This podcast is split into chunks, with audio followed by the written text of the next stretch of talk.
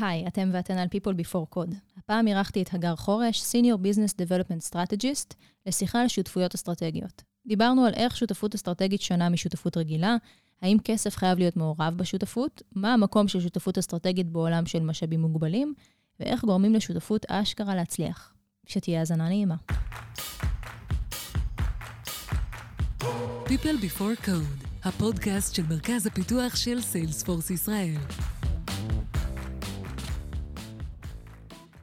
היי היי, אתם על People Before Code, בכל פעם נערך כאן עובד או עובדת של סיילספורס שילמדו אותנו משהו מהניסיון שלהם, והיום אנחנו עם הגר חורש, Senior Business Development Strategist סיילספורס, מה נשמע?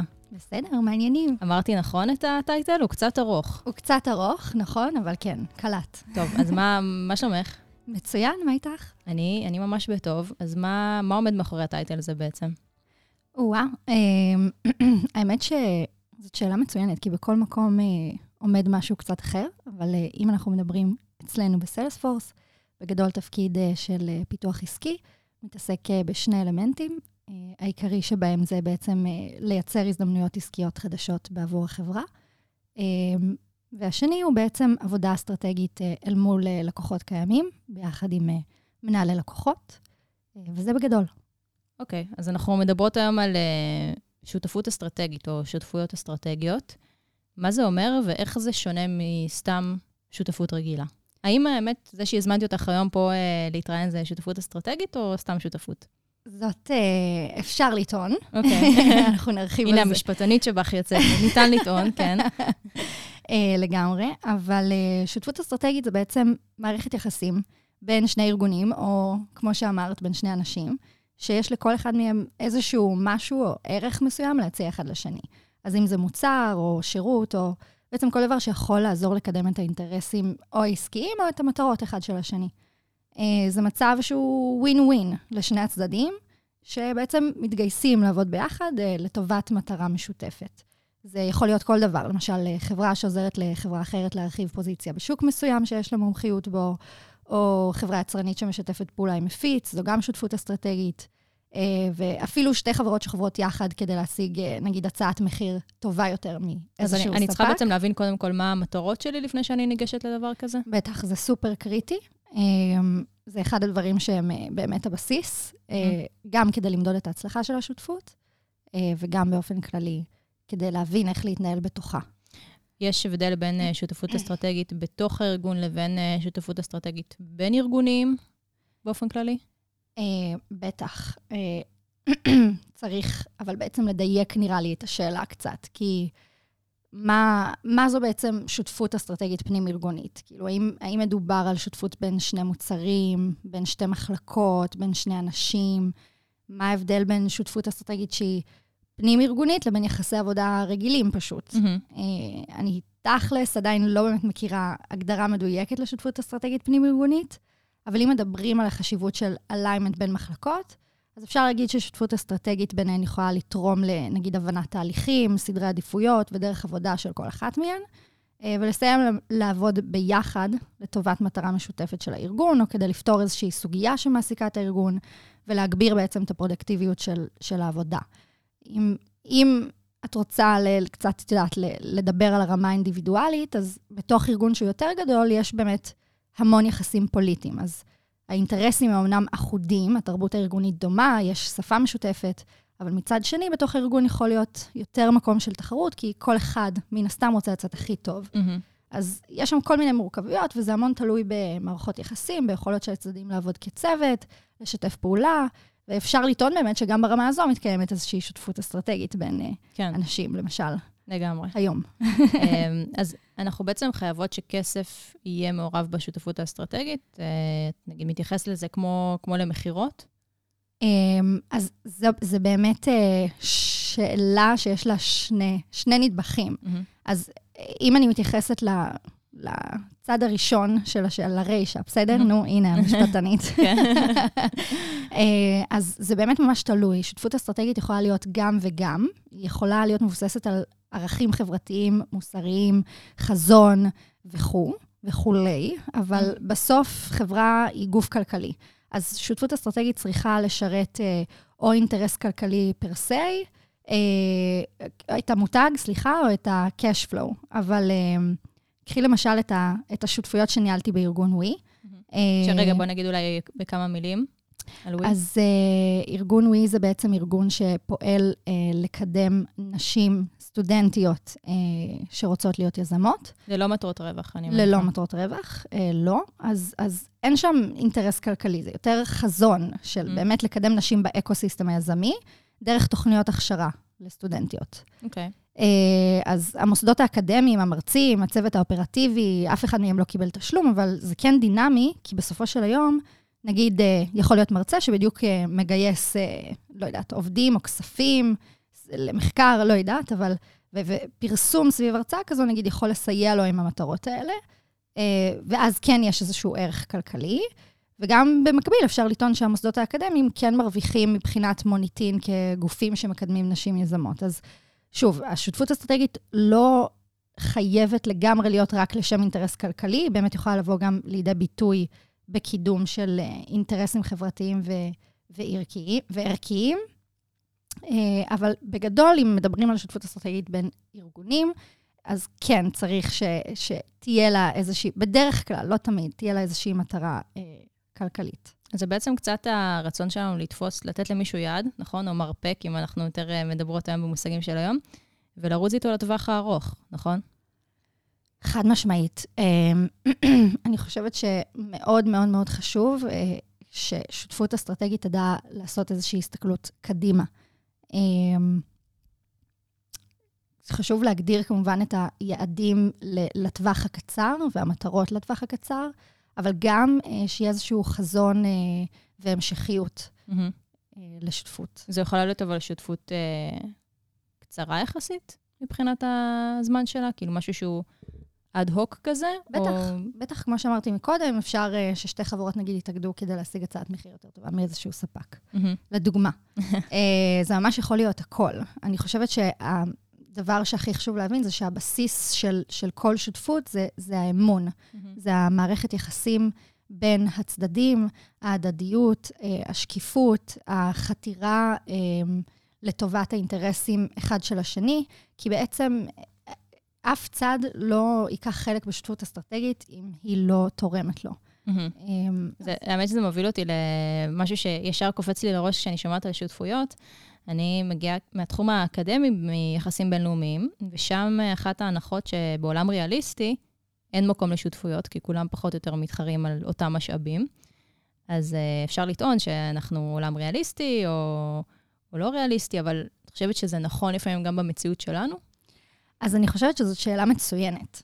מצוינת, אה, דווקא בגלל שאם מסתכלים בראייה שהיא מאוד מקרו, כמו תחרות של מדינות על משאבים, אז באמת אולי אפשר להבין איזושהי אמירה כזו, אבל אני בגדול רוצה ש... שנזכור ביחד שבאמת אנחנו נמצאים באיזשהו ממד שהוא הרבה יותר קטן ממדינות שמתחרות על משאבים mm-hmm. גדולים, כן? לתחושתי, באמת יש כל כך הרבה עבודה לעשות, אה, ולפעמים אה, נישות מיוחדות ששותפות, אה, כאילו, יש נישות מיוחדות ששותפות אסטרטגית באמת הכרחית בהן. אה, גם אה, לחברה או ארגון או איזשהו גוף, יש מגבלות על כמות המשאבים והאנרגיה שהוא יכול להשקיע בנושא מסוים, למשל. אז, אז לפעמים יותר משתלם לקיים איזשהו שת"פ עם מישהו שכבר אוחז ביכולת להוציא חזון לפועל, או יש לו תחום מומחיות מסוים. אז באמת זה מה שיכול לקרות בכל תחום בחיים, גם בכל תעשייה, ו... אני מאמינה ששותפויות זה לא רק משהו שהוא מאוד אפשרי, אלא גם נחוץ והכרחי, אה, והייתי ממליצה בכללי לארגונים ולנו כאנשים לבחון כל הזמן איך אנחנו יכולים לקדם את המטרות האסטרטגיות שלנו אה, בעזרת שימוש בכלי הזה. אה, יש איזושהי דרך לנבא הצלחה של שותפות אסטרטגית בעינייך? כי את יודעת, אנחנו הרבה פעמים, אני לוקחת לדוגמה עמותה בתחילת דרכה, דווקא אני אלך לעולם הזה יותר של עמותות. אה, אנחנו מפחדים לטעות. כי כשאין הרבה כסף, וצעד אחד אה, לכיוון הלא נכון אה, יכול לגרום לנו להפסיד לפעמים כסף שהשקיעו בנו או שתרמו, אנחנו באמת ניזהר מלצאת לדרך ביד ביד עם, עם מישהו או, או ארגון שהוא לא נכון לנו. אז יש לנו דרך לנבא את זה? אה, אני חושבת שמאוד קשה לדעת מראש אם שותפות תישא פרי, כן? אה, אבל בהחלט יש כלים שאפשר להשתמש בהם כדי לקיים אה, שותפות שהסיכוי שלה להיות מניבה ומוצלחת לשני הצדדים הם גבוהים יותר. אז למשל, כמו שאמרתי קודם, הגדרת המטרות והיעדים של השותפות זה מאוד מאוד חשוב, כדי שתהיה אפשרות בכלל לבחון את העבודה המשותפת בהסתכלות על היעדים והמטרות שהוצבו. דבר נוסף שהוא מאוד קריטי להקפיד עליו, כדי ששותפות תחשב מוצלחת, זה שקיפות. זה בעצם נגזרת של עניין האמון, כן? שדיברנו עליו מקודם, הבסיס גם של אמון, כל... אה, נגיד את זה, אנחנו אומרים בכל פעם שאנחנו מדברים, מדברות כאן אה, בכלל על ביזנס וסיילספורס, אבל לא רק. כל מה שקשור ללקוחות, באמת אמון זה ה-trust, זה הדבר הראשון שאנחנו שמים פה בערכים שלנו בסיילספורס. לגמרי, חד משמעית, ואני חושבת שזה מדהים שסיילספורס שמה על זה כל כך דגש, כי זה באמת כל כך חשוב בכל אינטראקציה, גם עם לקוחות, גם אה, אינטראקציה בין-אישית הכי בין פשוטה אישית. שיש. לגמרי, ובטח בשותפויות אסטרטגיות, אה, וחשוב להקפיד על זה, כי כל אספקט של הצלחה אה, של שותפות הוא קשור בקשר ישיר לאמון, ובגדול חשוב להיות כמה שיותר שקופים מול השותף שאיתו עובדים, ולשקף את האתגרים והציפיות באופן שהוא הכי כנה. אה, וזה גם, זה גם יכול להתבטא ברובד של אה, עבודת צוות, כן? צריך לעבוד כצוות, כאיזושהי מקשה אחת, לשתף מידע באופן דו-סטרי. לא נרצה להגיע למצב ששותף שלנו מגלה שהסתרנו ממנו משהו, או קידמנו את האינטרסים שלנו על חשבונו. זה גם הרבה פעמים בטח אה, קשור לפשוט יחסים בין-אישיים. אני לא יכולה לדמיין את זה שאני, לא יודעת, כשוב, מנכ"לית של עמותה, או אפילו מנכ"לית של חברה, אפגש עם מישהו שלא תהיה לי איתו אינטראקציה טובה, ואני אגיד, יאללה, בוא, בוא נעשה את, ה, את השותפות האסטרטגית הזאת, ונרוץ יחד לאורך זמן. אני... זה, זה מתחיל מהדברים האלה. חד לי. משמעית, חד משמעית, וגם במכירות, בסופו של היום אתה מוכר לאינדיבידואל, או מוכר אה, כביכול אה, B2B, לאיזשהו כן. ארגון, אתה עדיין מוכר לבן אדם. לבן אדם. אז, אז מאוד מאוד מאוד חשוב אה, לייצר את המערכת יחסים הזאת, את האמון, את ה...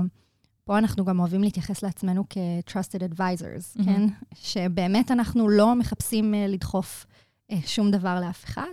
אה, גם אה, אפשר להשליך את זה גם לעניין שותפויות. אה, אה, לא, צריך להיכנס לדבר הזה אה, כשיש אינטרס הדדי, כלומר, כשיש ערך הדדי לשני הצדדים. זהו, זה בדיוק מה שמוביל אותי לשאלה הבאה. עד כמה את לוקחת בחשבון אה, מה קורה בצד השני? כלומר, מה הצד השני הולך להרוויח מהדבר הזה? זה מעניין אותך, או שאת אומרת, אני אעשה את השיקולים שלי, אציע לו את ההצעה, הוא יעשה את השיקולים שלו, ובוא נראה, בוא נזרום משם. עד כמה זה חשוב להגיע מוכנה, נגיד, לפגישה הזאת, עם, אה, עם הידע לגבי הצד השני ומה שיש לו להרוויח? סופר, סופר, סופר קריטי. ממש, ממש, ממש חשוב להגיע עם הידיעה גם. כמובן, מה אני מרוויחה זה קל לי להבין ולדעת מה אני מרוויחה, אבל אני חייבת לדעת לצייר את אותה תמונה, את התמונה המקבילה למי שאני פונה אליו. אגב, גם בתפקיד המקצועי שלי, אני לא... אני, לפני שאני אפנה לאדם שאני רוצה לשתף איתו פעולה, אני, אני I'll make sure I know מה התועלת ומה הערך שהוא ישיג מהאינטראקציה איתי, אחרת מן הסתם, פחות יעניין אותו לדבר איתי. וגם uh, באמת, בתוך uh, שותפות, אני חושבת שזה זה באמת הבסיס, הבסיס להצלחה של שותפות, זה לוודא ששני הצדדים מרגישים שהם מרוויחים, ושני הצדדים מרגישים שהם במקום שטוב להם, גם עסקית וגם אישית, ובכל בכל האלמנטים, זה חייב להיות הדדי. אז אם אנחנו מסתכלות על זה כמו מערכת יחסים, אה, והאמת שרציתי לשאול אותך שאלה אחת, אבל אני קצת אשנה אותה, כדי שזה יהיה קצת יותר בסוף אה, אמיתי אה, ודומה למציאות. אז רציתי לשאול אותך מה קורה, כאילו, מתי נדע כששותפות אה, אסטרטגית נכשלת, אבל לרוב לפעמים זה לא כזה דרמטי, זה לא נכשל, זה פשוט כמו לפעמים מערכות יחסים של כזה, טוב, די, אפשר, אפשר לסגור את הבסטה. לגמרי. אז, אז מתי נדע? אז אנחנו נדע, אגב, זה לא רק אה, בואו נסגור את הבסטה, כי אה, בואו ניפרד, כן. אלא הגשמנו את כל המטרות שלנו. כלומר, כל היעדים... לקחת את זה ממש אה, לכיוון האופטימי, אני מבינה. תמיד אופטימיים. כולם מרוצים, כן. אנחנו תמיד אופטימיים. אבל לא, באמת, יכול להיות ששותפות מיצתה את עצמה דווקא מהמקום החיובי של הגדרנו את כל המטרות והיעדים והגענו אליהם, השגנו אותם, ומצוין, כל אחד ממשיך דרכו כחברים, ואיזה כיף. אבל אה, באמת, אה, בראש ובראשונה, אני חושבת, אה, שותפות אסטרטגית עלולה להיכשל באמת אם מתרחש משבר אמון בין הצדדים. אם אחד הצדדים מסתיר מידע, מקדם את המטרות שלו על חשבון הצד האחר, מבטיח איזושהי הבטחה ולא עומד בה, מתנהג בחוסר מקצועיות, חוסר שקיפות, חוסר הדדיות, חוסר רעות אפילו, כל אלה באמת יכולים להוביל למצב שאחד הצדדים מתאכזב, וכתוצאה מכך האמון שלו נפגע, וזה באמת עלול להוביל לסיום מערכת uh, השותפות. Mm-hmm. אז uh, אפשר בהחלט להתייחס למצב כזה כאל כישלון של השותפות. ובאמת נקודה נוספת חשובה, שיכולה להוביל לסיום או כישלון, כן, במרכאות של שותפות, שכל, uh, את יודעת, מתי שהיעדים שלה לא הושגו, אוקיי? או אם הם אפילו לא הוגדרו מלכתחילה, ואז אין אפשרות באמת למדוד אותם. כן, אחרי תקופה מסוימת של עבודה משותפת, אה, בפרט אם כן הוגדרו יעדים והם לא הושגו, אז יכול להיות שהצדדים ירגישו שהשותפות לא הצליחה להביא להם ערך, אז הם מחליטים להביא אותה לכדי סיום. בסוף, אה, את יודעת, כולנו משקיעים אה, משאבים אה, ו- ו- וזמן בדברים שמביאים לנו ערך, אז אם צדדים משקיעים את המשאבים האלה, ו- ולא מקבלים ערך מהשותפות, על אף שהם ציפו שההשקעה הזאת תניב להם תוצאות חיוביות מדידות, אז uh, יכול להיות, uh, את יודעת, שהם פשוט יבחרו לסיים אותה. אז יכול להיות שבאמת אחד מהדברים שכדאי לעשות זה כמו לעשות צ'ק-אין uh, כזה מדי כמה זמן, כדי לראות שאנחנו לא פותחים איזשהו פער גדול מדי בינינו לבין השותפים. בטח, זה מאוד חשוב. מאוד מאוד חשוב. אז, אז בואי נסכם. בעצם אנחנו צריכות להגדיר שלושה דברים שאנחנו צריכות לדעת לפני שנתחיל לחפש שותפים אסטרטגיים. מה, מה הדבר הראשון? אז uh, הדבר הראשון, uh, באמת דיברנו על זה כמה פעמים במהלך השיחה, אבל חשוב, לפני שרצים לחפש שותפים, להגדיר מראש מה המטרה שלנו מהשותפות. איזה יעדים אנחנו נרצה להשיג, איזה יעדים נרצה לקדם אה, באמצעות קיום השותפות הזאת, וזה מאוד חשוב בגלל שתי סיבות. הראשונה זה באמת בגלל שאנחנו רוצים ש... שיהיה אפשר למדוד את ההצלחה שלה, ולבחון אם באמת השותפות השיגה את המטרות שלה. אה, וגם אה, מהסיבה השנייה, שמאוד מאוד חשוב להגדיר מטרות כדי להבין למי יהיה נכון לפנות, ומי השותפים שאנחנו מחפשים לעבוד איתם, mm-hmm. שיהיו בעצם הגורמים הנכונים שיכולים לעזור לנו להשיג את המטרות של השותפות. אז לפעמים זה יהיה מאוד קל להגיע למסקנה מה הזהות הנכונה של השותף שאנחנו רוצים. למשל, אם אני רוצה לקיים תוכנית הכשרה לסטודנטיות, אז ברור שאני אכוון לשתף פעולה עם מוסדות אקדמיים. וזה מוביל אותי לנקודה השנייה, שלא באמת, לא מספיק רק לחפש שותפים שיקבלו ערך מהשותפות, חשוב גם להגדיר את הערך עבור כל אחד מהצדדים. כן. וגם על זה דיברנו אה, קצת, אבל חוץ מלהגדיר את המטרה ולחפש שותפים נכונים לדרך, אז קריטי להגדיר במדויק ממש מה הערך שאנחנו מקבלים ומה הערך עבור השותף שאיתו אנחנו רוצים לעבוד. זה, זה הבסיס לעבודה שלנו, וגם uh, הבסיס בגדול להצעת ערך ש, שאנחנו נגיע איתה לשותף. Mm-hmm. כן? זה מאוד חשוב, שוב, באמת מאוד חשוב לנתח מה יש לצד השני להרוויח, מה אני מציעה לו, למה זה טוב לו, אז אם לוקחים את זה קצת לפרקטיקה, אז להבין מה ה-DNA של מי שעומד מולי, מה הנורמות עבודה שלו, מה האג'נדה שלו, אם היו לו שותפויות קודמות, לעשות כמה שיותר מחקר על הצד השני שאנחנו רוצים uh, לפנות אליו, ולוודא שיש כמה שיותר אישור קו כבר מנקודת הפתיחה. אז זה, זה כלים שבעצם יעזרו לנו להתגבר על מכשולים בהמשך הדרך. אם ניתקל באיזה שהם קשיים, אז באמת יהיה לנו על מה להישען. והדבר האחרון? הדבר האחרון שגם נגענו בו ממש uh, בקטנה, זה מחשבה על עתיד, כן? שותפות אסטרטגית חייבת להניב ערך לצדדים, אז כמו שאמרנו, ויותר, כשאני אומרת ערך לצדדים, אז אני מתכוונת ליותר מהערך של איזושהי עסקה או פרויקט ספציפי שעומד uh, בפניהם בנקודת זמן מסוימת, כן? צריך להיות אפיק למערכת יחסים הזאת, כאילו ש, שתהיה איזושהי אופציה למשהו שיקרה בעתיד, uh, פתיחת דלתות, יצירת הזדמנויות חדשות, uh, זה, זה בעצם, שותפות אסטרטגית היא מערכת יחסים חיה, היא מתפתחת בהדרגה, ואפשר להסתכל על זה למשל בפריזמה של collaboration versus exchange of goods, נגיד, אוקיי? קיום של מערכת יחסים, אה, לעומת, אה, אה, כאילו שהוא שיתוף פעולה מתמשך, לעומת איזושהי החלפת משאבים נקודתית. אז אני חושבת שהערך האמיתי מגיע משותפות שיש לה אפיק להמשכיות. נראה לי שזה נכון לגבי כל... כל מערכות היחסים בחיים שלנו. לגמרי. שכל אחד ייקח את זה לאן שהוא רוצה או רוצה. לגמרי. בכל פרק אני מבקשת מהמרואיין או מהמרואיינת לשתף אותנו באיזושהי המלצה שיש להם, אז על מה את ממליצה?